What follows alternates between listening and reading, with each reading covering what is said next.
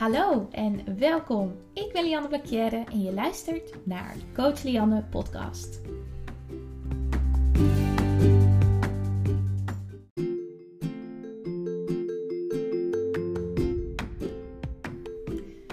Vijf jaar lang heb ik in gevecht gezeten met een eetstoornis, een depressie en onzekerheid over mijn lichaam speelt en over wat ik eigenlijk wilde en wie ik eigenlijk was.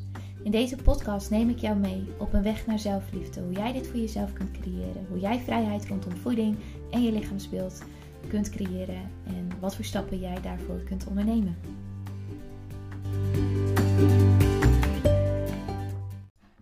Welkom bij een nieuwe podcast van Coach Lianne. Is dit de eerste keer dat je luistert naar deze podcastreeks?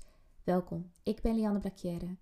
Ik ben ervaringsdeskundige coach bij eetstoornissen, life coach in het algemeen schrijver, spreker en ik heb een platform coachlianne.nl waarop ik alles deel over mentale ontwikkeling, zelfontwikkeling, emotionele ontwikkeling en over eetstoornisherstel.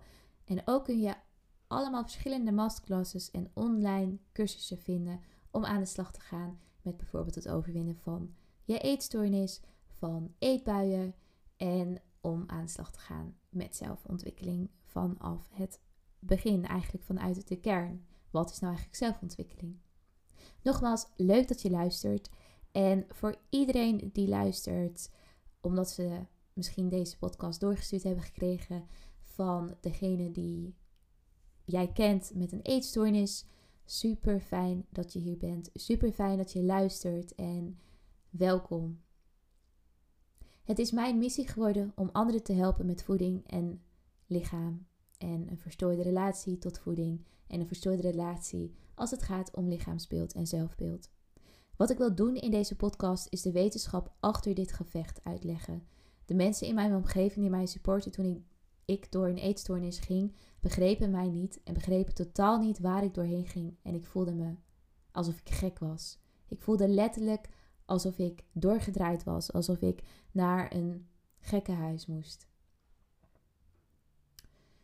Het feit dat ik mij onbegrepen voelde maakte ook dat ik mijzelf niet kon begrijpen in die periode. Ik ging van dieet naar dieet en ik ben naar verschillende psychologen gegaan om nu echt te begrijpen wat er aan de hand was. Waar ik echt van overtuigd was, was dat ik een tekort had aan discipline. Discipline. En hoe meer ik erachter kwam en duidelijkheid creëerde over het feit wat er nu eigenlijk aan de hand was, kon ik stap voor stap werken aan het herstel van mijn eetstoornis en creëerde ik eigenlijk een pad van herstel en creëerde ik op dat pad steeds meer vrijheid rondom voeding en voelde ik me zeker worden over mijn lichaam en werd ik in mijn leven ook veel zelfzekerder. Een eetstoornis of het ingevecht zijn met voeding of ingevecht zijn met je zelfbeeld, met je lichaamsbeeld, is een wereldwijd gevecht. Een lange tijd dacht ik dat ik de enige was die in gevecht was en geloofde ik dat ik gek was. Dat er iets mis met mij was, dat ik de enige was die zo over mijzelf dacht, die zo in gevecht was met voeding, die mezelf aan het uithongeren was. Ik dacht dat ik de enige was. Velen onder ons die hiermee in gevecht zijn, hebben dit gevoel. Hebben het idee dat ze anders zijn, dat ze niet goed genoeg zijn, dat ze wilskracht missen of doorzettingsvermogen of discipline missen. Maar wat eigenlijk wel grappig is, is dat veel die in gevecht zijn met voeding en hun lichaamsbeeld in andere aspecten van hun leven heel succesvol zijn. Ze zijn gedreven, gefocust, carrièregericht, zijn slim. Ze zijn goede ouders en staan altijd klaar voor anderen. Vaak zie je dus aan de buitenkant niet waar diegene echt mee struggelt, doordat zij altijd alles perfect lijken te doen. En dat is dus echt een aspect waar heel veel cliënten van mij in vastlopen en wat ik zelf ook heb. Een identiteitsdingetje, perfectionisme, altijd voor andere mensen klaarstaan. En dit maakt het ook dat er een grote schaamte omheen zit. En dat het moeilijk is om ermee om te gaan. Ook voor jou. Voor, hè, als jij iemand kent met een eetprobleem. Of met een verstoorde relatie tot voeding. Of met een eetstoornis. Of een eetuitdaging. Hoe je het ook maar wilt noemen. Het is lastig. Want diegene weet zelf vaak wel dat er iets niet lekker gaat. En zou zelf waarschijnlijk ook graag gezonder willen zijn of ervan af willen.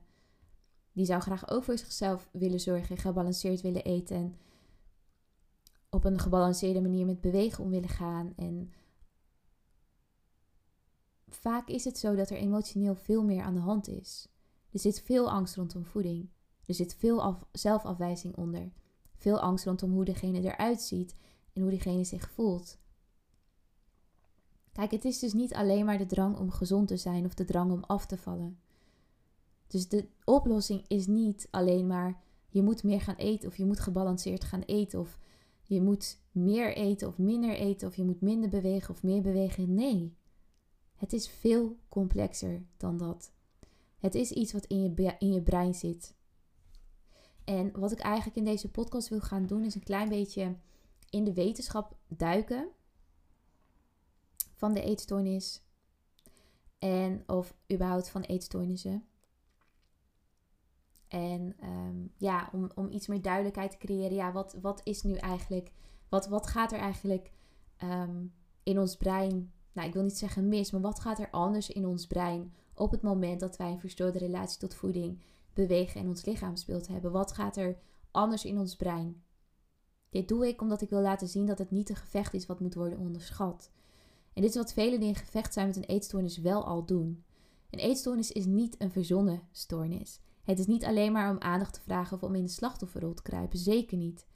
Velen die in gevecht zijn met een eetstoornis vinden zichzelf vaak een aansteller of hebben het idee dat ze dom of zwak zijn omdat ze hier vastlopen. Maar nee, de wetenschap zegt iets anders en ik geloof dat zodra jij hier meer van af weet als omstander, je meer begrip kunt krijgen en daarnaast ook meer kunt inleven in de persoon die in gevecht zit met een eetstoornis.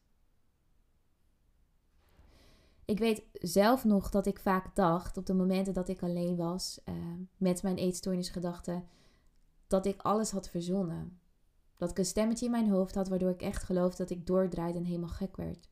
Ik zag mezelf al worden opgenomen in de kliniek vol mensen die zo doordraaiden als ik. Vol mensen die stemmen in hun hoofd hadden. En dit maakte mij zo bang. Het idee dat je gek bent en dat je doordraait is een heel naar gevoel. Je wilt letterlijk eigenlijk weglopen van wat er allemaal omgaat in je hoofd, maar dat kan natuurlijk helemaal niet. Op het moment dat ik wetenschappelijke onderzoeken ging lezen en mezelf ging verdiepen in wat er in mijn brein gebeurde, ging dit gevoel weg. Ik was niet gek. En juist door dit op tafel te leggen in deze podcast, geloof ik dat iedereen die dit luistert op een andere manier naar een eetstoornis kan gaan kijken. En hoop ik dat ik duidelijkheid kan creëren en meer begrip voor iedereen die in een eetstoornis zit, of iedereen die iemand kent die in gevecht is met een eetstoornis of een verstoorde relatie tot voeding en lichaamsbeeld. Meer begrip, meer duidelijkheid en een stukje hoop hebben dat het ook anders kan. Nogmaals wil ik jou graag bedanken dat je hier bent. Ik vind het zo fijn dat je dit luistert en dat jij voor degene waarvan jij houdt of degene die dichtbij je staat de tijd neemt om meer te leren over eetstoornissen, over een verstoorde relatie met voeding, lichaamsbeeld en zelfbeeld. Dank je wel. Want het is heel frustrerend. Frustrerend voor degene die in gevecht is, maar ook frustrerend voor de omgeving die degene zo goed mogelijk wil helpen, maar 9 van de 10 keer gewoon niet weet hoe ze nu degene kunnen helpen. Kijk, weet je wat er vaak gebeurt? En dat heb ik ook gemorken of gemerkt toen ik in een eetstoornis zat, was dat mijn ouders het goed wilden maken voor mij. Ze willen mij fixen of ze willen het fixen voor mij. Mijn ouders wilden zo graag dat ze mij beter konden maken. Kijk, als iemand in onze omgeving door een moeilijke periode gaat, of je ziet dat iemand zichzelf kapot maakt, en diegene ziet dat eigenlijk zelf niet, wil je diegene opvangen, omarmen en zeggen: Ik maak je beter. En dat dan dit ook echt gebeurt. Dat diegene ook beter wordt, dat jij degene bent die diegene beter kunt maken door dit alleen maar te zeggen. Je zegt soms dingen die niet goed aankomen. Soms lijkt het wel alsof je het juist erger maakt door iets wat je hebt gezegd. Je zit niet op hetzelfde level en de frustratie groeit. Soms gaat degene zich compleet afsluiten van jou en lijkt het wel dat alles wat je zegt verkeerd is en dat je het gewoon niet goed kunt doen. Het is oké om gefrustreerd, te zijn of je gefrustreerd te voelen. Het is oké om de pijn te voelen en de drang te hebben om het te fixen. Want het is moeilijk en nogmaals, het is moeilijk om te zien hoe iemand waarvan je zoveel houdt zichzelf compleet naar de kloten werkt. Ik hoop dat je na deze podcast meer inzicht hebt gekregen wat er nu eigenlijk aan de hand is, hoe een eetstoornis werkt en wat jij zou kunnen doen om iemand zo goed mogelijk te kunnen ondersteunen. Laten we maar eens beginnen met het begin. Logisch. Maar hoe werkt eigenlijk een eetstoornis? Wat is dit gevecht met eten of met ons lichaamsbeeld eigenlijk? En hoe kan het dat er zoveel mensen zijn die in gevecht zijn met voeding en hun lichaamsbeeld?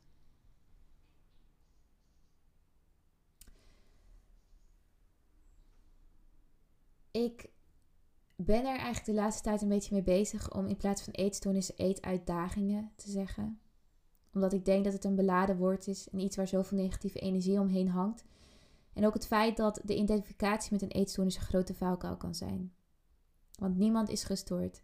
En ik denk dat als we onszelf in hokjes duwen en onszelf gaan labelen met een bepaalde eetstoornis, het alleen maar gevaarlijk en giftig kan zijn. Er zijn verschillende eetuitdagingen die door de hele wereld worden erkend als eetstoornissen. En het erge is dat een groot deel van de mensen op deze wereld in deze eetuitdagingen vastlopen. En nog een stukje over de identificatie ga ik later nog wel op in. Maar eigenlijk is het zo, toen ik ehm, de diagnose anorexia kreeg, ging ik opzoeken wat anorexia nou eigenlijk was. En had ik het gevoel dat ik ook mij zo moest gedragen, omdat iemand zei: Dit heb jij. En daar maakte ik zelf in mijn hoofd van: Dit ben jij. En dat is heel gevaarlijk, want daardoor werd mijn eetstoornis alleen maar groter. Daardoor groeide mijn eetstoornis eigenlijk. Dus zie de persoon die jij kent met een eetstoornis niet als een eetstoornis. Zie diegene als, nou ja, als je dochter of als je zoon of als je vriend of je vriendin of je nicht of je neef of je tante of je oom. Het is niet die eetstoornis. Hij of zij of wat het ook is, het is niet die eetstoornis. Je hebt verschillende soorten eetuitdagingen. En als we kijken naar het spectrum van verschillende manieren om in die eetuitdaging vast te lopen, heb je binge eating disorder, emotie eten, angst rondom voeding, bulimia, anorexia. Bulimia is eigenlijk heel veel eten en het dan op een, een of andere manier eruit gooien of ja, eigenlijk compenseren. Anorexia is zo weinig mogelijk eten, binge eating disorder, emotie eten en eetbuien is zoveel mogelijk naar binnen werken zonder daar echt, echt letterlijk het er weer uit te gooien, maar vaak zit er wel een compensatiedrang achter. Angst rondom voeding is vaak het beginstadium van een eetuitdaging, dus ehm, bijvoorbeeld regeltjes hebben, valt chocola ongezond is, dan mag ik niet eten of ik ga het eten vanavond en ik vind dat eng omdat, dat, omdat ik het niet kan controleren. Ik weet niet hoeveel erin zit. De meesten onder ons die in een seizoen van hun leven of een periode van hun leven in gevecht zijn geweest met voeding of een verstoorde relatie tot voeding, hebben een extensie van anorexia, bulimia, binge eating disorder of emotie, eten of overeten. De meeste onder ons die in gevecht zijn met een eetendaging struggelen dus niet met één specifieke eetuitdaging. Dit is vaak doordat bijvoorbeeld als iemand zich een lange tijd van eten probeert om te af te houden, wat dus een symptoom is van anorexia, dat wordt gezien als anorexia, zal het lichaam op een gegeven moment proberen terug te vechten en te vertellen: eet, eet, je moet eten. En dan komt dus extreme honger opzetten. Wat er dan gebeurt is dat er iets breekt. Er breekt iets, je kunt het niet meer volhouden, het wordt te veel. Waardoor je jezelf in de keukenkastjes vindt en aan het binge bent, dus een eetbui hebt door die extreme honger. En ik zou dat nooit als een eetbui willen zien, want een eetbui is, ja, kijk, ik wil het nooit labelen en ik vind dat altijd heel erg lastig, uh, maar vaak doordat ik dit zeg, begrijpen mensen wel wat ik bedoel. Maar het is eigenlijk zo dat die extreme honger komt omdat je lichaam jou in leven wil houden en zo'n lange tijd te weinig binnen heeft gekregen, dat er gewoon meer naar binnen moet. En dan voelt het alsof je een eetbui hebt, maar eigenlijk luister je dan gewoon naar je lichaam. Je lichaam heeft eten nodig.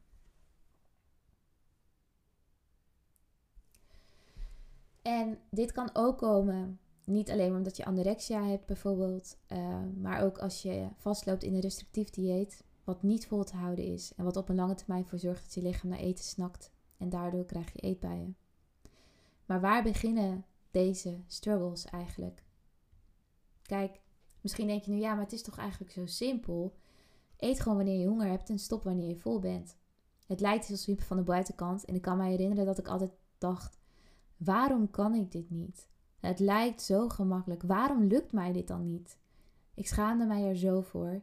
Hoe kan het dat ik mijzelf moet uithongeren, maar dan later misschien weer moet volproppen? Hoe kan het dat ik zo'n lange tijd mezelf van eten af heb gehouden dat ik op één appeltje per dag kon leven en dat ik zoveel angst rondom voeding had?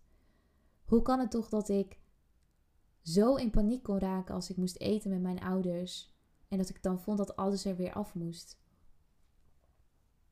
Ik weet nog dat ik toen ik in behandeling was van mijn eetstoornis en ik dus weer langzaam aan mijn eten kon opbouwen, ik heel veel last had van die extreme honger.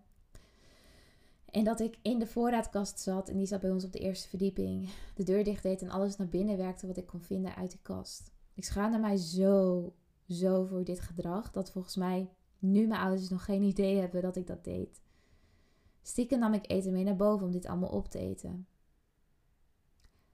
Waar ik dit eerst deed met zo weinig mogelijk eten en het eten weggooien, stiekem dan, deed ik dit later met de stiekem eten op mijn kamer van de oude chocoladeletters die nog over waren van, van ons Sinterklaasfeest. Ik wist dat ik dat eigenlijk ook niet wilde. Kijk, vaak komt het uit kernovertuigingen die je over jezelf zelf hebt. Ik ben niet goed genoeg. Ik moet afvallen, want ik moet een bepaald lichaam nastreven, want dan word ik geaccepteerd. Ik voel me niet goed over mezelf. We voelen ons niet goed in ons lichaam en daardoor gaan we controle willen uitoefenen op voeding. In plaats van dat we naar ons lichaam gaan luisteren, in plaats van te luisteren naar honger en verzadiging, gaan we diëten. Het wordt overzichtelijk wat we wel en niet mogen eten, maar daarnaast wordt er ook heel veel angst gecreëerd rondom eten, omdat je het uit de weg gaat.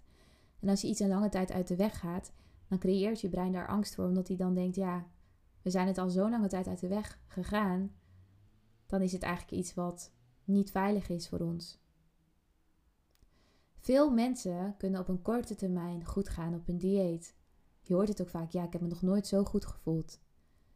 Maar de natuurlijke reactie van ons lichaam op een dieet, op restrictie, is binge eating, zijn eetbuien. Op een gegeven moment ga je de drang hebben om te eten.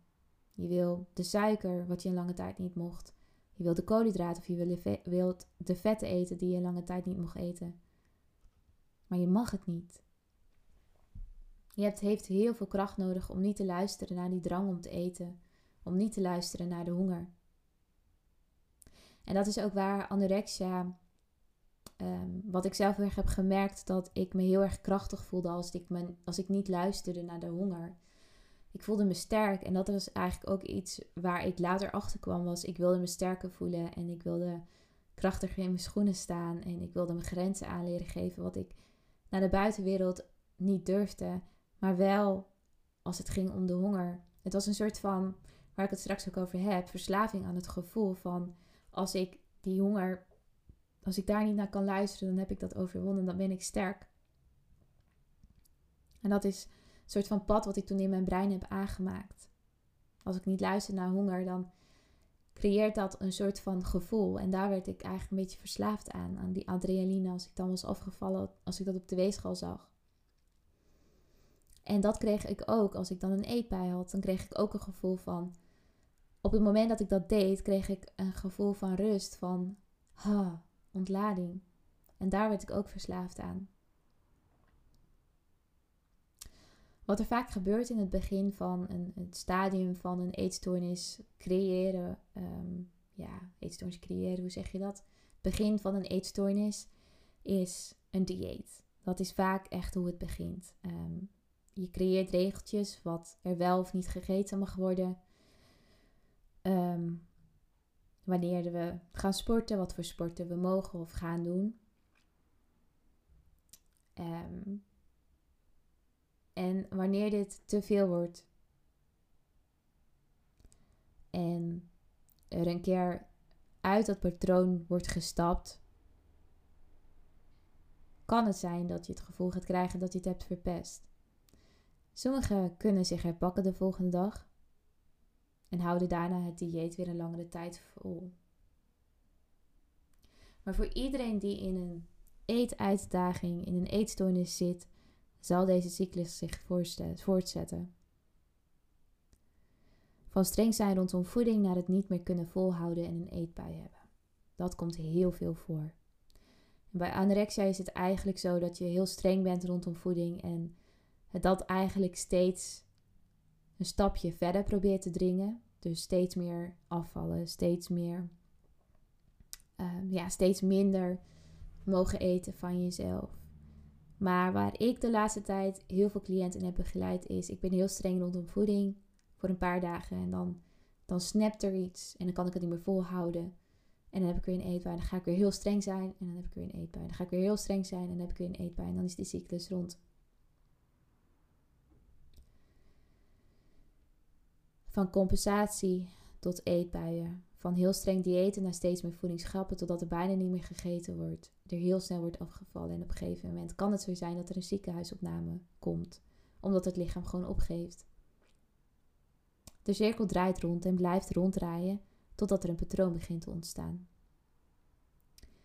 Wat er in ons brein gebeurt, is dat er een neuropatroon ontstaat. Kijk, ik leg het wel eens uit als je hoeft, tenminste, ik denk dat iedereen niet meer nadenkt over hoe de fetus gestrikt moeten worden. Dit heb je al zo lange tijd gedaan. Je hebt er zelfs waarschijnlijk een veterdiploma voor gekregen als kind. Zonder na te denken strik jij dagelijks de veters.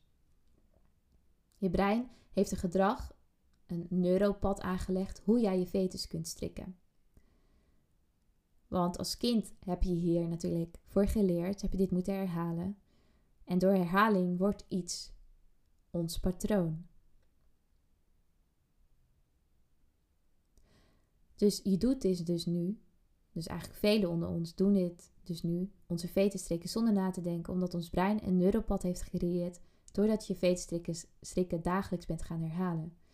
Dus door herhaling wordt er een patroon in je brein gecreëerd, een onbewuste actie, een neuropad, diep in ons onderbewustzijn.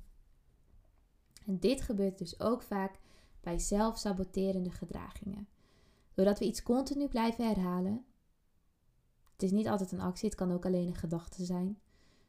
En daar zit ook de meeste schaamte onder. Jij weet vaak niet wat degene waar jij zo van houdt mee een gevecht is. Wat diegene echt denkt over zichzelf. En misschien weet diegene dit zelf ook niet goed. Of vindt diegene het dus heel erg schaamtevol. Dus schaamt diegene zich daar heel erg voor. Gedachten kunnen zijn als ik haat mijn lichaam, ik vind mezelf niet mooi. Wat jij ook zegt, wat jij ook vindt van die persoon.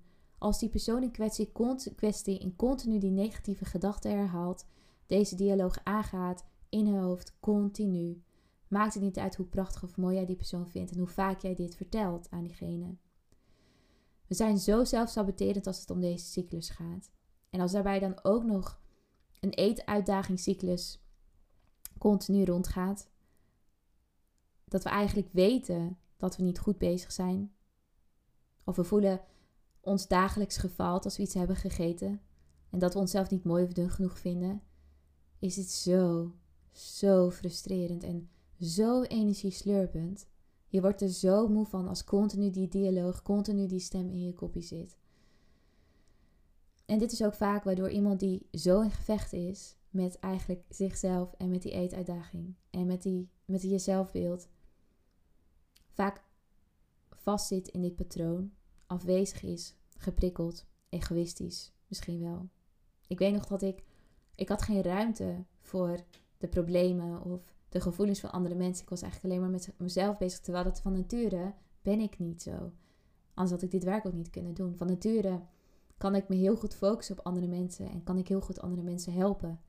Maar omdat ik zo vastzat in mijn eigen hoofd, omdat ik zo vastzat in mijn eigen gedachten, was ik heel erg geprikkeld. Omdat het, het was zo druk. het was zoveel. En het was allemaal zo negatief. Dus als we even teruggaan naar het neuropatroon, naar het neuropad. Je creëert dus een neuropad als het gaat om eten. Als het gaat om hoe jij met eten omgaat. Het wordt een patroon. Het wordt onderdeel van jouw gedrag, van jouw dagelijkse bezigheden. Net zoals wat ik net zei over het strikken van je veters, wordt dit gedrag onderdeel van je onderbewuste. Het wordt het ding wat ons. Het wordt het ding, eigenlijk ons kopingsmechanisme. Dus als er iets gebeurt in ons leven wat ons stress of angst of frustratie geeft, wordt dit patroon de manier om ermee om te gaan. Je geliefde, ik noem het maar je geliefde, maar het kan ook zijn dat het gewoon iemand is in je omgeving, gaat zich van eten afhouden op het moment dat hij of zij zich niet goed voelt, of misschien juist stiekem eten naar binnen werken omdat er stress of verdriet is. Eten wordt het korte termijn patroon om dit op te lossen. Om zich beter te voelen of gesteund te voelen. Het brein heeft deze copingstrategie eigenlijk opgeslagen doordat dit herhaald is. Nogmaals, het is een neuropad geworden in ons brein door herhaling. Het wordt opgeslagen door ons brein en naar boven gehaald op het moment dat het nodig is. Wanneer er gevaar of emotie is, moet er volgens het brein mee om worden gegaan en kiest het brein dit pad. Dus ons brein wil ons eigenlijk van angst, van pijn, van verdriet, van, van nare emoties afhouden. Korte termijn denkt je brein nee, we moeten ons daarvan afhouden. Dat is gevaarlijk. Ons brein wil ons beschermen. En op het moment dat daar eten wordt gezien als oplossing, eten krijgt, ja, daardoor krijg je een bepaald gevoel. Daardoor, net zoals eigenlijk met een andere verslaving, ga je hem zo, zo meteen nog even op in. Jouw brein wil jou eigenlijk helpen door te denken: oké, als je dit gaat doen, als je dit pad even inslaat, dan voelen we dat niet meer. Of dan is dat er even niet meer. Korte termijn. Je brein is een korte termijn mechanisme. Voor iedereen die iemand in, een in de omgeving heeft met een eeterdaging is het soms frustrerend of überhaupt onbegrijpelijk hoe dit kan en waarom iemand niet zomaar kan stoppen met het uithongeren of met eetbuien. Er wordt nog vaak gedacht door de omgeving dat het gaat om discipline of doorzettingsvermogen. Waarom? Waarom blijf je doorgaan in dit patroon? Nogmaals, voor iedereen die dat nu denkt, alsjeblieft, nee, het gaat niet om doorzettingsvermogen. Het gaat om een neuroprobleem in ons brein en wij moeten ervoor zorgen dat we, dit dat we dit pad gaan omzetten, dat we een ander pad gaan creëren, een ander copingmechanisme gaan zoeken, zodat die eetstoornis of die eetuitdaging niet meer nodig is om daarmee om te gaan. Ik ga proberen uit te leggen, want misschien klinkt het nog een beetje hocus pocus, maar wat ik net ook zei over verslavingen, ik probeer dat nu een klein beetje uit te leggen, zodat je begrijpt wat, er, wat ik bedoel. Hoe kun je in godsnaam zo ver gaan in een eetstoornis? Stel je eens iemand voor met een alcohol, drugs of drugsprobleem of een pornoverslaving of wat voor verslaving dan ook. Wat er gebeurt in ons brein is dat neuropaden zijn gevormd. Elke keer dat we in onze verslaving gaan zitten, dus de drugs, de alcohol, de porno, is dat elke keer een chemische stof wordt vrijgemaakt in ons brein op het moment dat we datgene gaan gebruiken of gaan kijken. Het voelt alsof we in een high komen. Je voelt je high door de drugs, maar ook omdat je daarmee bezig bent. Als je een shopverslaving hebt of een pornoverslaving, je voelt je high zodra je daarmee bezig bent. Er wordt een chemische stof in je brein aangemaakt of gereleased op het moment dat je daarmee bezig bent. dit gedrag, dit gevoel, werkt verslavend. De high op het moment dat je iets hebt uitgevoerd, uitgevoerd wordt verslavend. Vaak is het zo dat intellectueel iemand wel kan bedenken dat deze verslaving of een relatie of het leven algemeen in de weg zit. Hè? Intellectueel kan iemand wel denken: oh, dit, dit gaat niet goed komen. Ik ga alles kwijtraken. Of ik ga iemand kwijtraken waar ik van houd als ik hiermee verder ga. Hè? Als, ik, als ik dit drugsprobleem, als ik, als ik hierin verder ga, dan laat ik al mijn. Ehm, gaat mijn geld op en kom ik in de schulden. Of ik raak mijn geliefde kwijt. Of ik raak mijn baan kwijt. Of ik kan niet verder met mijn studie. Intellectueel kan iemand dit vaak wel in het beginstadium bedenken. Je weet het vaak. Net als met een eetstoornis, je weet het. Je weet in het begin, oké, dit komt niet goed. Maar je kunt die fysieke impuls niet weerhouden en vind jezelf continu weer terug in dit gedrag. En dit is ook wat er gebeurt bij iemand die in gevecht is met voeding. Intellectueel in het begin dan kan diegene wel begrijpen en weten dat er gebalanceerd gegeten moet worden. Dat het eigenlijk gaat om ik wil gezonder worden. Dat was ook wat ik vaak, wat ik in het begin zei toen ik uh, voor het eerst met mijn diëtiste ging zitten om weer een gezond en gebalanceerd eetpatroon op te bouwen. Was ja, maar dit was eigenlijk ook wat ik wilde. Ik wilde weer gezond worden. Ik wilde eigenlijk, ik begon ook met, ehm, met gewoon sporten. Want ik sportte eigenlijk niet, omdat ik, ik was 16, 17, nou 15, 16 denk ik. Dus ik begon met uitgaan en veel drinken. En toen dacht ik op een gegeven moment, oh, eigenlijk wil ik dat niet meer. Dus ik begon eigenlijk gewoon met gezonder worden. En ja, vaak weet je dus wel, logisch. Iedereen in mijn omgeving eet gewoon wanneer er honger is en wanneer de verzadiging is, stoppen we. Maar er is een impuls die ervoor zorgt dat het er toch weer terug wordt gepakt op het gedrag van die eetstoornis. Het is de high van een eetbui. De high die ontstaat als je bent afgevallen. De high als je de hele tijd erg honger hebt. En het gevoel dat je er dan er even niet bent. Dat je even niet hoeft te voelen. Letterlijk gewoon niet hoeft te voelen. Of dat je alleen maar kunt focussen op eten of op de controle die het je geeft voor je gevoel. Want het is gewoon schijncontrole natuurlijk. Het gevoel van die chemische reactie die vrijkomt in het brein, waardoor hoeveel pijn je ook voelt, lichamelijk en emotioneel, door eigenlijk de handelingen die je verricht uit je eetstoornis of je eetuitdaging. Je blijft doorgaan. Je blijft dieper in het eetgestoorde gedrag zakken. De uitdaging met voeding, hè, om dit op te lossen, is voeding, eten, is nodig om te overleven. Kijk, het is niet zoals drugs, het is niet zoals alcohol of porno. Dat is niet iets wat van levensbelang is. Dat is niet onze behoefte als mens om te nemen om te overleven. Maar voeding is natuurlijk iets wat we nodig hebben om te overleven. En daar zit dus de uitdaging in als het gaat om herstel van een eetuitdaging of een eetstoornis. We kunnen het niet uit de weg gaan. Kijk, het protocol vaak als het gaat om het herstel van een uh, verslaving is het ontnemen van de producten op een stap voor stap eigenlijk totdat we er zonder kunnen. Maar we weten allemaal, we kunnen ons niet weerhouden van voeding, want dat is vaak het probleem. En we hebben het nodig. Nogmaals, het brein is geprogrammeerd om ons goed te laten voelen en van pijn te weerhouden. En voeding is ook fijn, is ook goed. En daar komt ook vaak die tweestrijd. Op een gegeven moment in herstel, maar ik kan me herinneren dat ik dat ook wel had in de eetstoornis zelf. Van ja, voeding kan me eigenlijk ook heel goed laten voelen. En heb ik ook nodig om te, of om te overleven. Dus die continue tweestrijd van moet ik het wel doen, moet ik het niet doen, moet ik het wel doen, moet ik het niet doen. In je brein is ook zo frustrerend. En is zo energieslopend. Want nogmaals, je brein wil jou laten overleven. Dus wil jou met alle, alles wat het brein kan laten eten. En dan komt continu die tweestrijd van wel, niet, wel, niet. Ons wil ons leven houden. Voeding houdt ons in leven. Maar waar kiezen we dan eigenlijk voor? Voeding is op een gegeven moment een manier geworden om met geluk om te gaan of met pijn. Het wordt een obsessief mechanisme wat door ons brein is gecreëerd om met gevoel om te gaan. Het gevoel wat voeding ons geeft, het idee hoe wij ermee omgaan, het gevoel wat uithongering of juist ons volstoppen ons geeft, wordt een verslaving. En als dat gebeurt, wordt het een probleem, want dan zit het ons leven in de weg. Voor iemand die in gevecht is met een eetstoornis, is het dus echt een verslaving. Net zoals met alcohol of drugs. Ik weet dat het niet goed voor mij is wat ik nu doe. Ik weet dat ik het eigenlijk niet wil, maar toch doe ik het. Want als ik het niet doe, voelt het alsof er mieren onder mijn huid lopen. Wordt de onrust te groot.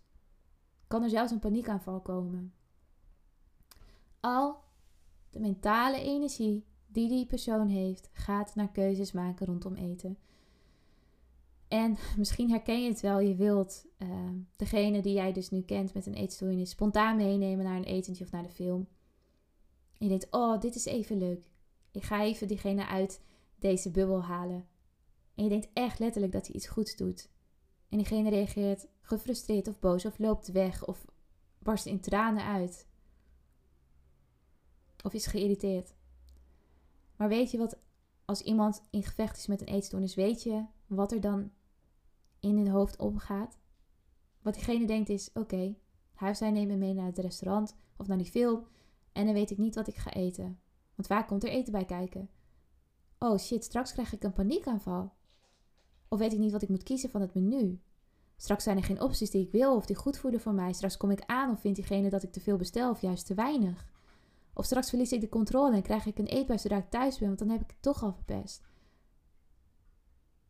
En dan voelt diegene schuld tegenover zichzelf, maar ook tegenover jou. En schaamte, zoveel schaamte. Het is deze mentale struggle, deze cirkel die continu maar weer afspeelt in iemands hoofd. Het is vaak onbegrijpelijk voor de omgeving als ze diegene smoesjes zien bedenken. Als ze de frustratie, de verdriet en de angst in iemands ogen zien. Want er zit zoveel schaamte onder. Maar vaak heeft diegene het zelf niet door. Het kost zoveel energie voor iemand.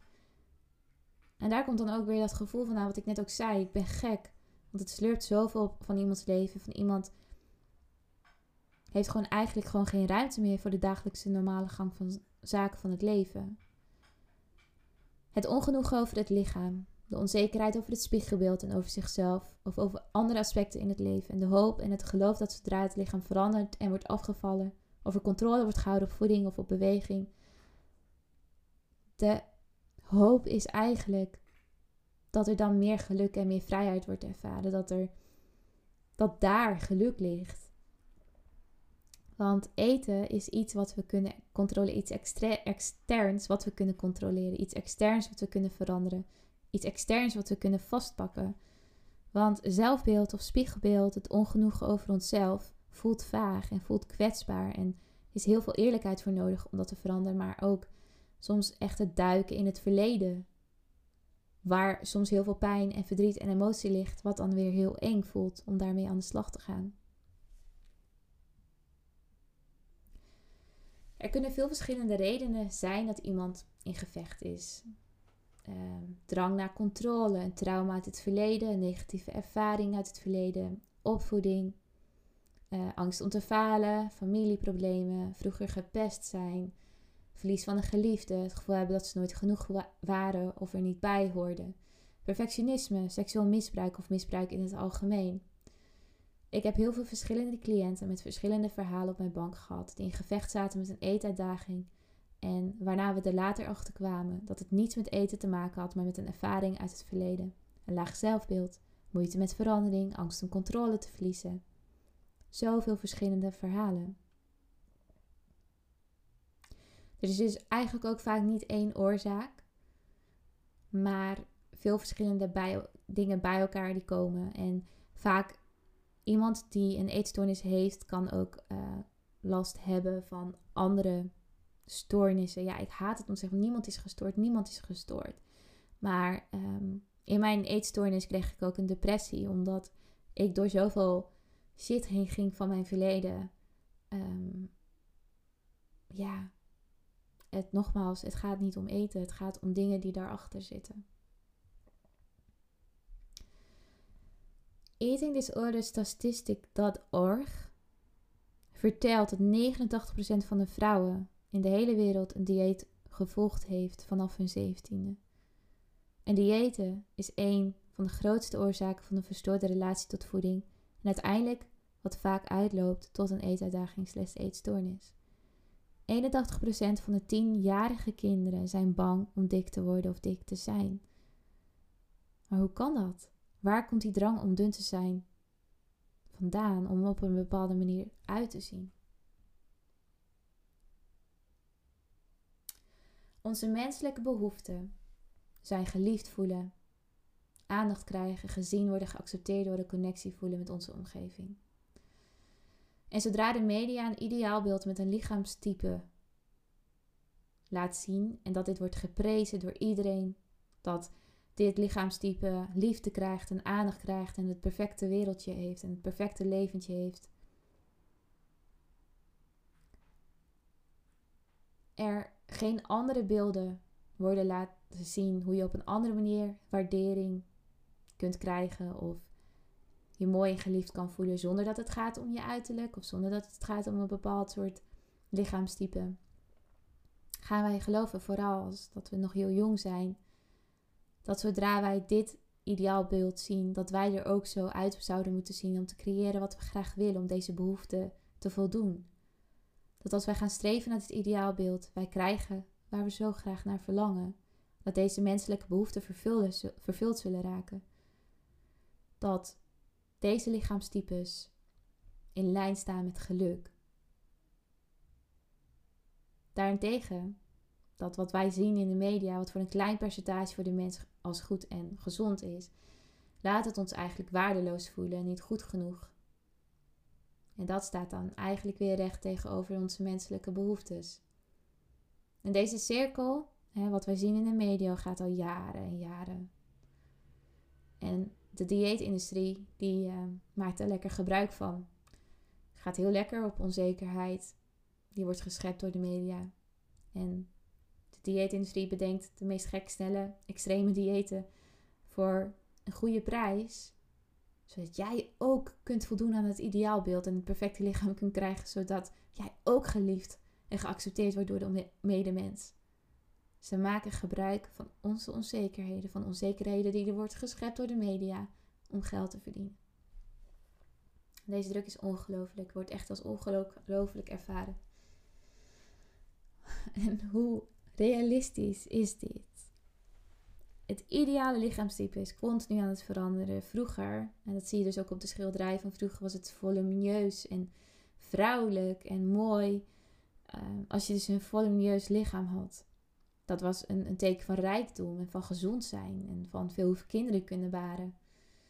En in de jaren negentig werd het een, een dun, plat type wat heel mooi was. En toen later, in de jaren 2000, weet ik nog dat het fit girl type echt vooraanstrevend was. En dat is volgens mij nu nog steeds wel zo. En wat nu ook heel vaak ziet, is het Kardashian type met die extreme vormen. Wordt geprezen. En door de media. Het is niet zo dat het alleen maar om vrouwen gaat bijvoorbeeld. Iedereen kan hiermee struggelen. Iedereen kan hiermee gevecht zijn of hier moeite mee hebben.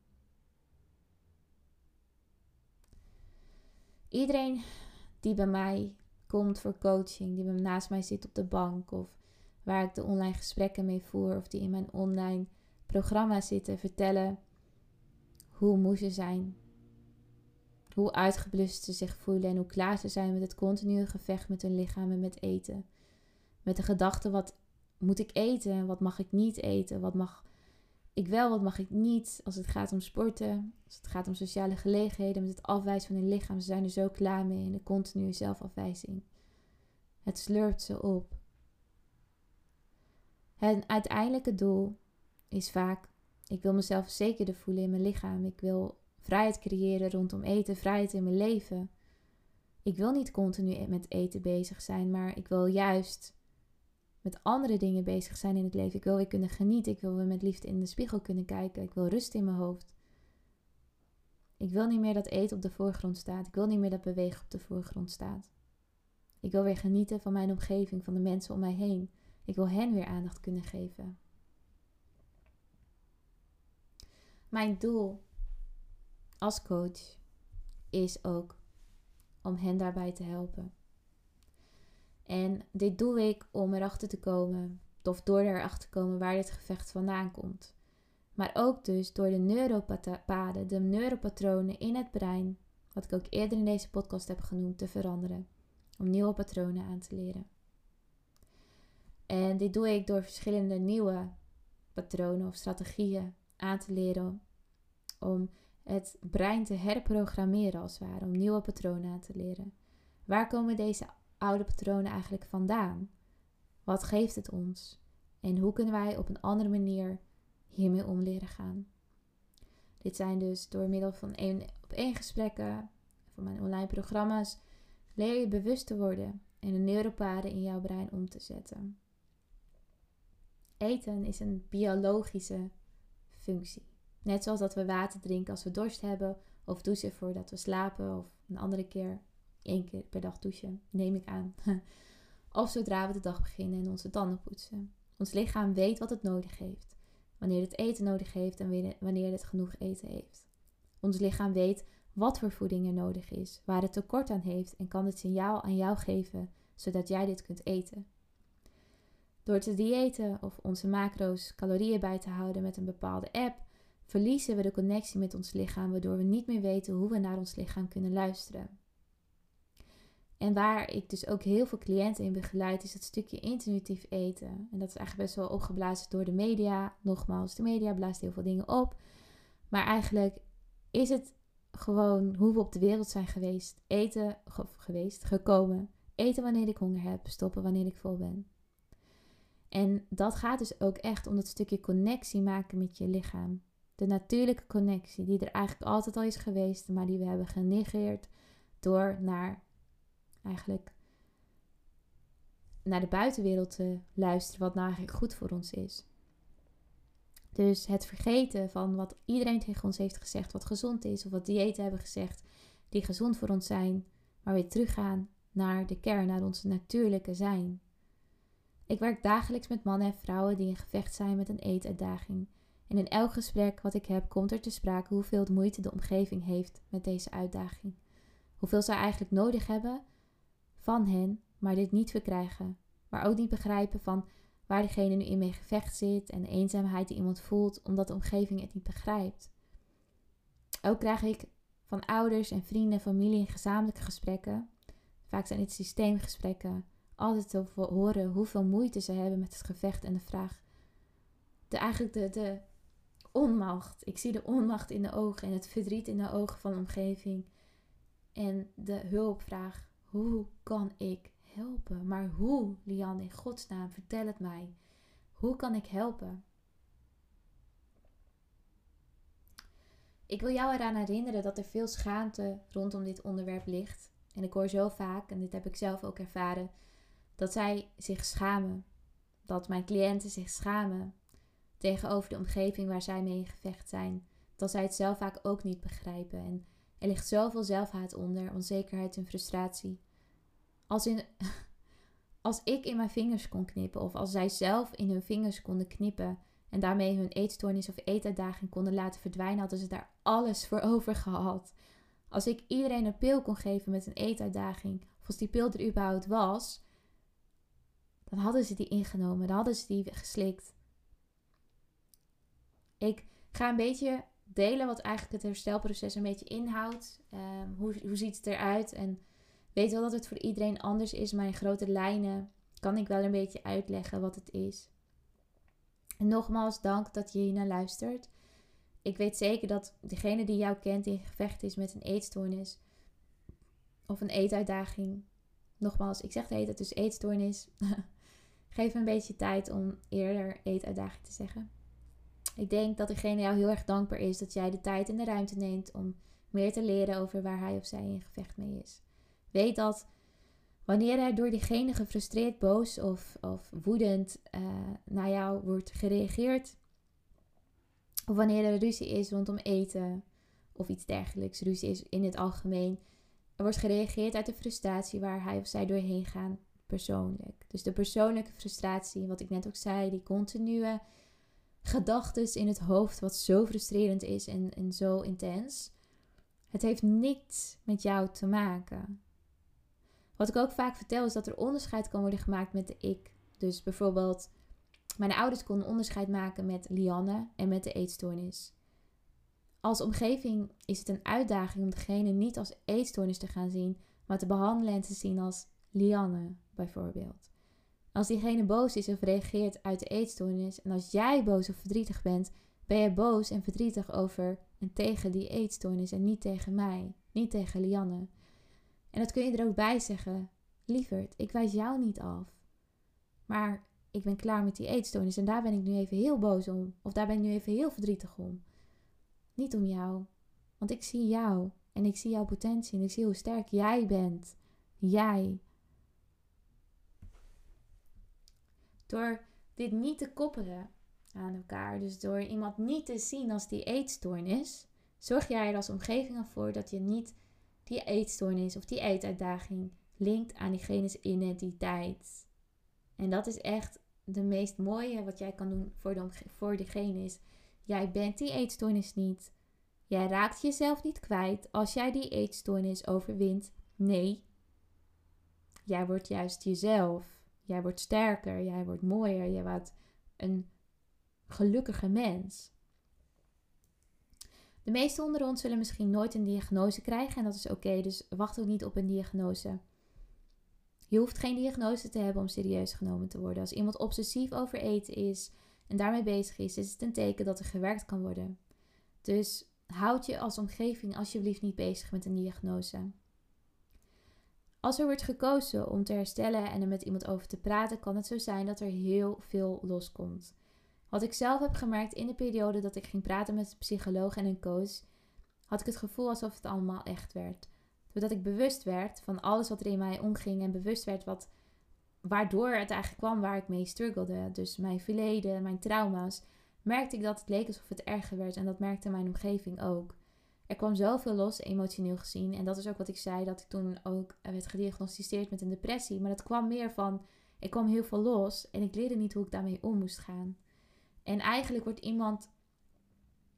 Ik haal ook altijd, wat ik ook zeg, ja, ik haal eigenlijk alle, alle shit haal ik naar boven. Maar ik leer jou ook hoe, ik, hoe je daarmee om kunt gaan. Dus hoe jij op een andere manier met emoties om kunt gaan. Hoe jij op een andere manier met afwijzing om kunt gaan. Alles. We halen alles naar boven en we gaan op een andere manier daarmee om. Ehm, de ontlading eigenlijk van wat er vastzit qua trauma in ons lijf, qua trauma in ons hoofd. Als iemand kiest voor herstel, staat er veel storm en onweer te wachten. Voor degene zelf, maar ook voor de omgeving. Er wordt dus, wat ik zeg, veel opengetrokken. En dat is dus wat ik vaak doe met cliënten. We beginnen bij het verleden en werken onze weg door moeilijke momenten, door trauma's, door gebeurtenissen uit het verleden die veel pijn hebben veroorzaakt. We halen alles naar boven, wat heel overweldigend kan voelen. Het kan zijn dat iemand zich terugtrekt naar een sessie of een tijd lang niet bespreekt wat diegene voelt. En dat is oké, geef diegene de ruimte, want diegene weet zelf ook niet wat er wordt ervaren. In herstel is het zo dat het voelt alsof we iemand één stap vooruit zet en twee stappen achteruit. En dat is herstel. Een proces wat tijd nodig heeft. Doordat we neuropatronen en paden in het brein willen gaan veranderen, wat heel veel tijd nodig heeft en herhaling kost, hebben we die tijd ook nodig. Geef diegene ook de ruimte. En doordat als we tegen de eetstoornis uitdaging ingaan, deze wordt eerst sterker. Dus net zoals als je gaat uh, winkelen met een kind van 5, 6 jaar en die wil snoepjes en jij zegt nee, nee liever, dat gaan we even niet doen vandaag. En diegene blijft jengelen, het kind blijft jengelen en blijft sterk. En hoe meer jij er tegenin gaat, hoe heftiger het wordt. En dat is net zoals die eetstoornis. Gewoon een klein kind, het continu aan je trekt. Het wordt steeds heftiger. Het lijkt alsof er geen einde komt aan het gevecht. Maar die, dat einde komt wel, want hoe meer je gaat negeren, hoe meer je die drang gaat negeren, dat is ook ooit een wetenschappelijk onderzoek over geweest, want dat deel ik ook in mijn eetbijcursus en straks ook in mijn anorexia online programma, is het is wetenschappelijk bewezen dat als jij in het onrustige gevoel zit, of het onrustige gevoel wat vrijkomt op het moment dat jij iets doet, iets niet doet wat eigenlijk moet van je brein, dus controle, het wegen, het, het niet eten of het wel eten, je gaat letterlijk op de grond zitten en je blijft ademen, dat het weggaat. Het gaat weg. En dat is iets wat ik heel veel oefenen, oefen met mijn cliënten. Dus wat jij als omgeving kan doen is geef liefde, geef omarming, geef de ruimte en identificeer de persoon niet met de eetstoornis. En ik heb een aantal tips opgeschreven en die ga ik ook met jullie delen. En ik heb daar ooit een blog over geschreven, die link ik ook wel even in uh, de podcast. Vraag geen ja of nee vragen. Stel je vraagt: kun je niet gewoon mee eten vanavond? Zal het antwoord wat je waarschijnlijk gaat krijgen altijd nee zijn. En dan is het gesprek geëindigd. Het antwoord dat je ook kunt krijgen is ja. En vaak is dit een leugen. Vraag geen leidende vragen. Stel je vraagt: er is geen enkele mogelijkheid dat ik jou dit avondeten kan laten eten, of wel? Zal het antwoord zeker nee zijn. Leidende vragen komen met een groot nadeel. De persoon kan zich geforceerd voelen om te liegen. Doordat jij hem of haar een ultimatum geeft, zal de eetstoornis dat ultimatum nooit realiseren. Ik bedoel niet dat de omgeving mee moet gaan in de eetstoornis, zeker niet. Wat ik bedoel is dat wanneer je gelijk al die opties geeft om iets niet te doen, of iemand al in een hoekje drijft door te zeggen dat het niet gaat lukken, je de keuze voor diegene al snel hebt gemaakt en je hierdoor de eetstoornis sterker maakt in plaats van dat je deze zwakker maakt. Vraag open vragen. En dit is bij mijn ogen de beste weg. In tegenstelling tot de voorgaande vraag kun je bijvoorbeeld vragen: hoe voel jij op dit moment? Hoe komt het, denk je, dat je dit avondeten moeilijk is voor je? Ben je bang voor iets specifieks? Is er iets waar ik je mee kan helpen? Zoals je kunt lezen, geen één van deze vragen zijn ja of nee vragen. Of leidende vragen. Of lezen, horen bedoel ik, sorry. In andere woorden, open vragen zoals deze zullen ruimte maken voor eerlijke antwoorden. Je geeft aan dat je simpelweg wilt helpen en begrijpen. Gaandeweg zal de persoon zich, voelen, zich veilig gaan voelen. Je mag ook duidelijk maken dat wanneer die persoon in kwestie geen idee wat hij of zij wil antwoorden, het ook oké is.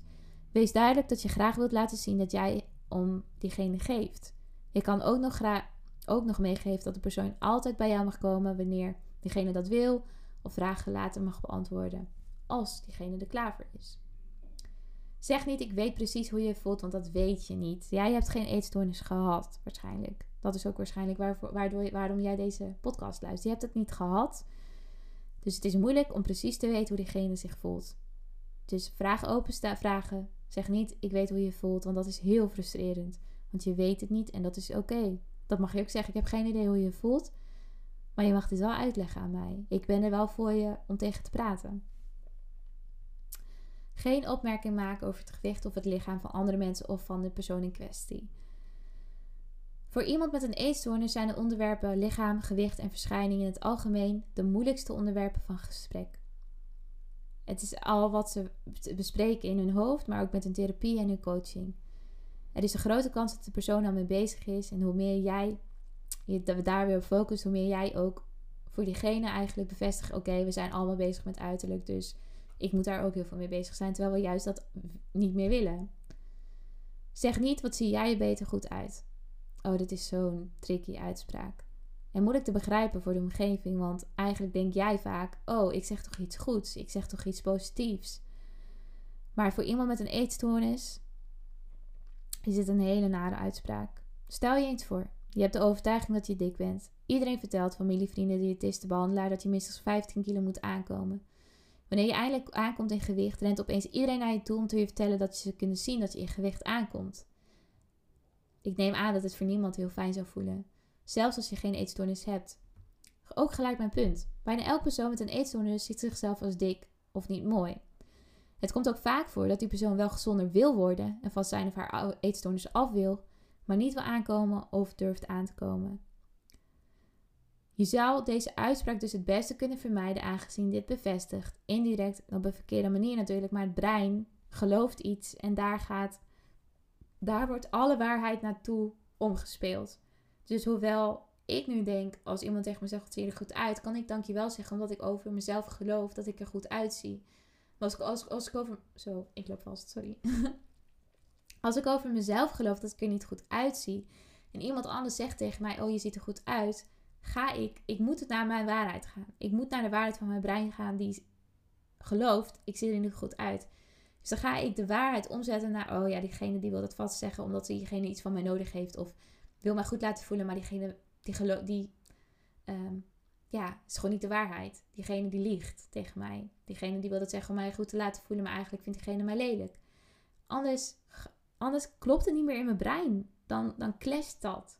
Nee, we moeten altijd de makkelijke weg zoeken, nogmaals, in het brein. Dus wat ik geloof, wat ik geloof, daar kan ik ook alles naar omzetten. Dat is hoe ons brein werkt. Dus als jij zegt, wat zie je er goed uit, dan wordt het voor diegene bevestigd van de angst, wordt de waarheid. We zijn nu dikker. Het is heel begrijpelijk dat familie en vrienden hun geliefde willen laten weten en complimenteren met het feit dat ze er beter uitzien. Voor mij persoonlijk heeft het maanden geduurd voordat ik deze uitspraak kon accepteren en omdraaien naar iets positiefs. Kijk, in het begin zette ik een lach op en probeerde ik de chaos in mijn hoofd te accepteren, wat niet lukte en ik een terugval kreeg. Lange tijd heeft het geduurd voordat ik deze uitspraak kon accepteren, voordat ik dit kon en moest ik mijn gedachten en overtuiging over mijn eigen lichaam veranderen, voordat ik kon geloven dat iemand anders mij mooi echt mooi vond. Geef geen commentaar op de eetgewoonten of patronen van anderen. Mensen met een eetstoornis weten donders goed dat ze een ander patroon hebben dan wat, dan wat jij hebt. Of een eetpatroon. Ten eerste zijn deze opmerkingen overbodig. Ten tweede, opmerkingen als deze zullen er alleen maar aan bijdragen dat de persoon in kwestie zich schuldig gaat voelen. Hij of zij wil niemand lastigvallen, maar met deze opmerking krijgt degene het gevoel dat, die, dat degene het wel doet. Weten dat de mensen die van je houden zich zorgen maken, zal de eetstoornis niet minder doen maken. Het leidt er vaak naar dat de persoon alleen of in het geheim wil gaan eten, liegt over de voedingsnamen, zichzelf verliest in compensatiedrang En dezelfde regel geldt wanneer de persoon eet waar jij van denkt dat het te veel of ongezind is. Begin er alsjeblieft niet over.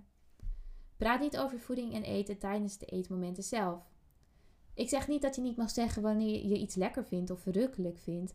Ik probeer uit te leggen hiermee, of ik bedoel hier eigenlijk mee, dat je geen dingen hoeft te zeggen als ik voel me al zo vol, of ik heb al zoveel gegeten, of je zou wel uitgehongerd zijn, of wil je niet nog iets meer eten. Nee. Je transformeert als ware de inspanning van het eetmoment in een kaartenhuis. Het kan elk moment instorten. Wanneer je zegt dit is gezond, zal de persoon in kwestie misschien de volgende dag meer moeite hebben met ander eten, aangezien dat wordt gezien als ongezond.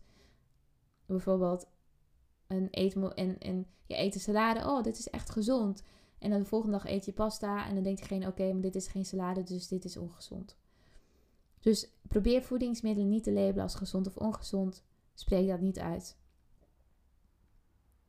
In de meeste gevallen zal de persoon zijn uitweg vinden in compenseren om zich te ontdoen van die ongezonde voeding. Ook zal de persoon in kwestie meerdere voedingsmiddelen als ongezond labelen, die lijken op dat ene ongezonde voedingsmiddel wat jij ongezond noemde.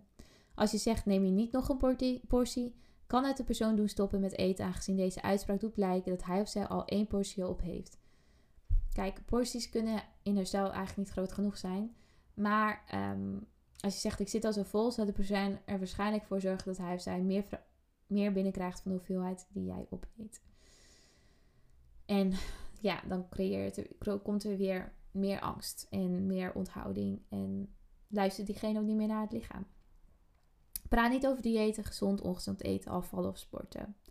Dit is bijna voor iedereen triggerend. Als jij je niet te dun voelt om deze dingen te mogen doen, waarom zou de persoon met een eetstoornis zich wel te dun voelen? Dit is hoe de eetstoornis werkt. Als jij denkt dat jij moet diëten, waarom zal de persoon met een eetstoornis niet moeten diëten? Er is een grote kans dat de persoon met een eetstoornis zich twee keer zo dik voelt als jij. Denk niet dat jij andere mensen moet vertellen wat zij moeten doen. Het is niet jouw taak en helemaal niet aan jou. Jij bent niet de eerste die zou moeten zeggen wat er moet gebeuren. De meeste cliënten, dus de meeste mensen met een eetstoornis waarvoor ziekte of in wat voor condities ook zijn, ontvangen goed gemeen advies uit alle hoeken elke dag weer. Zelfs de mensen die ze nog nooit eerder hebben ontmoet. Dus welgemeend advies. Mensen met een eetstoornis ontvangen duizenden welgemeende adviezen elke dag. En ik weet, en dat wist ik ook, het is goed bedoeld, maar het helpt niet. Het helpt gewoon niet. Probeer het te vermijden en probeer te laten zien ja, hoe leuk het leven is. En als je wel advies wil geven, als jij wel iets wil laten weten, probeer dan even de volgende richtlijnen mee te nemen. Vraag jezelf af: is dit goed advies? Zo ja, waarom is dit goed advies? Op wat voor manier denk jij dat die een positieve verandering zou brengen? Denk je dat de persoon in kwestie dit advies veel vaker heeft gekregen? Zo ja, vind je het dan echt nodig om dit advies te herhalen voor de duizendste keer? Wat je kunt doen is de persoon in kwestie vragen of hij of zij dit advies vaker heeft gekregen. En als dit zo is, laat het dan gaan. Is je advies medisch verantwoord? Gegarandeerd. Of is er maar een kleine mogelijkheid dat je verkeerd bent? Een goed voorbeeld is beweging. Veel cliënten in de stijl worden aangeraakt om te starten met sporten of bewegen. Het argument hiervoor is dat dit de botmassa sterker maakt en de spiermassa vergroot. Dit klopt natuurlijk, maar dit geldt alleen voor mensen zonder een actieve eetstoornis. Werkelijkheid, mensen met een eetstoornis zullen in het begin van hun herstel helemaal niet moeten sporten en bewegen. Ook al zegt iedereen dat dit gezond is, dan wordt het overal verkondigd. Simpelweg omdat dit het lichaam in een ondervoedingmodus blijft houden en hierdoor wordt het onmogelijk om volledig te herstellen. Ook omdat been- en spiermassa al is afgebroken. Als dit nog meer wordt afgebroken, dit is wat sporten doet, het tast de spieren aan zodat ze weer kunnen opbouwen, zullen deze nooit de kans krijgen om te helen. Is er een kleine kans dat jouw advies triggerend effect heeft? Zo niet, hoe weet je zo zeker dat het niet zo is? Heb jij een eetstoornis of heb je ooit een eetstoornis gehad? Heeft de persoon in kwestie verteld wat hij of zij triggerend ervaart? Als je enige twijfel voelt, laat het dan onderwerp eens vallen en vraag of dit een potentiële trigger is. Als het advies later nog eens triggerend wordt ervaren, doe dan je best om de situatie achteraf te evalueren en te bespreken. Dus ga in gesprek. Ga in gesprek. Een open gesprek. Communiceer met diegene. Laat zien dat, die, dat je er bent voor diegene. Geef liefde, omarming. Want dat is wat ze nodig hebben. Hoe groot die muur ook daarvoor is. Geef liefde. Geef zorg. Laat zien dat je er bent. Al is het alleen een kopje thee brengen. Al is het gewoon naast diegene op de bank zitten. Zonder iets te zeggen. Zonder iets te geven. Je bent er altijd. Blijf het herhalen. Voor iedereen met een eetstoornis, je kan niet verwachten dat iedereen nu begrijpt waar jij doorheen gaat. Want voor iedereen die dit nu luistert en wel meer kan begrijpen wat onze geliefden met een eetstoornis doorgaan, zij begrijpen het niet echt. En dat kun je ook niet verwachten en dat is ook oké. Want zij, zij zijn dit zelf niet doorgegaan. Dus wij kunnen niet verwachten dat zij dit begrijpen. Een groot leermoment voor mij was dat ik niet kon verwachten van anderen wat ik verwachtte van mezelf. Ik kon niet verwachten dat anderen mij begrepen als zij niet hetzelfde hadden doorgemaakt. Ik kon niet verwachten dat anderen precies wisten wat ik wist, omdat zij een andere kijk hebben op de wereld. En zij mij niet konden, niet en kunnen niet in mijn hoofd zitten en eruit halen wat zij nog niet weten. Het is het accepteren van je omgeving, dat zij hun best doen en jou behandelen vanuit liefde, zorg en bezorgdheid. Oh, wat een lange podcast. Sorry dat ik zo lang ben gaan blijven praten, maar ik zat er zo goed in en ik hoop dat ik alles heb kunnen delen. Ik hoop dat jullie hier iets aan hebben. Ik hoop dat jullie nu verder kunnen. En dit is het einde van de podcast. Dank voor het luisteren. Nogmaals, dank voor je ruimte en voor je tijd. En ik hoor je graag weer in de volgende podcast.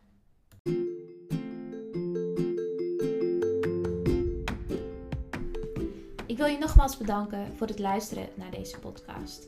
Mocht je nou fan zijn van deze podcast en dit willen delen met je vrienden, zou ik dat super fijn vinden door dit te doen op social media. Zodat we nog meer awareness kunnen creëren rondom een verstoorde relatie tot voeding, sporten en je lichaamsbeeld. Hoe meer, hoe beter. Daarnaast, mocht je interesse hebben in mijn boek, de online cursus of één op één coaching, ga dan even naar www.coachlianne.nl voor meer informatie. En daar kun je ook het contactformulier invullen en dan kom ik zo snel mogelijk bij je terug.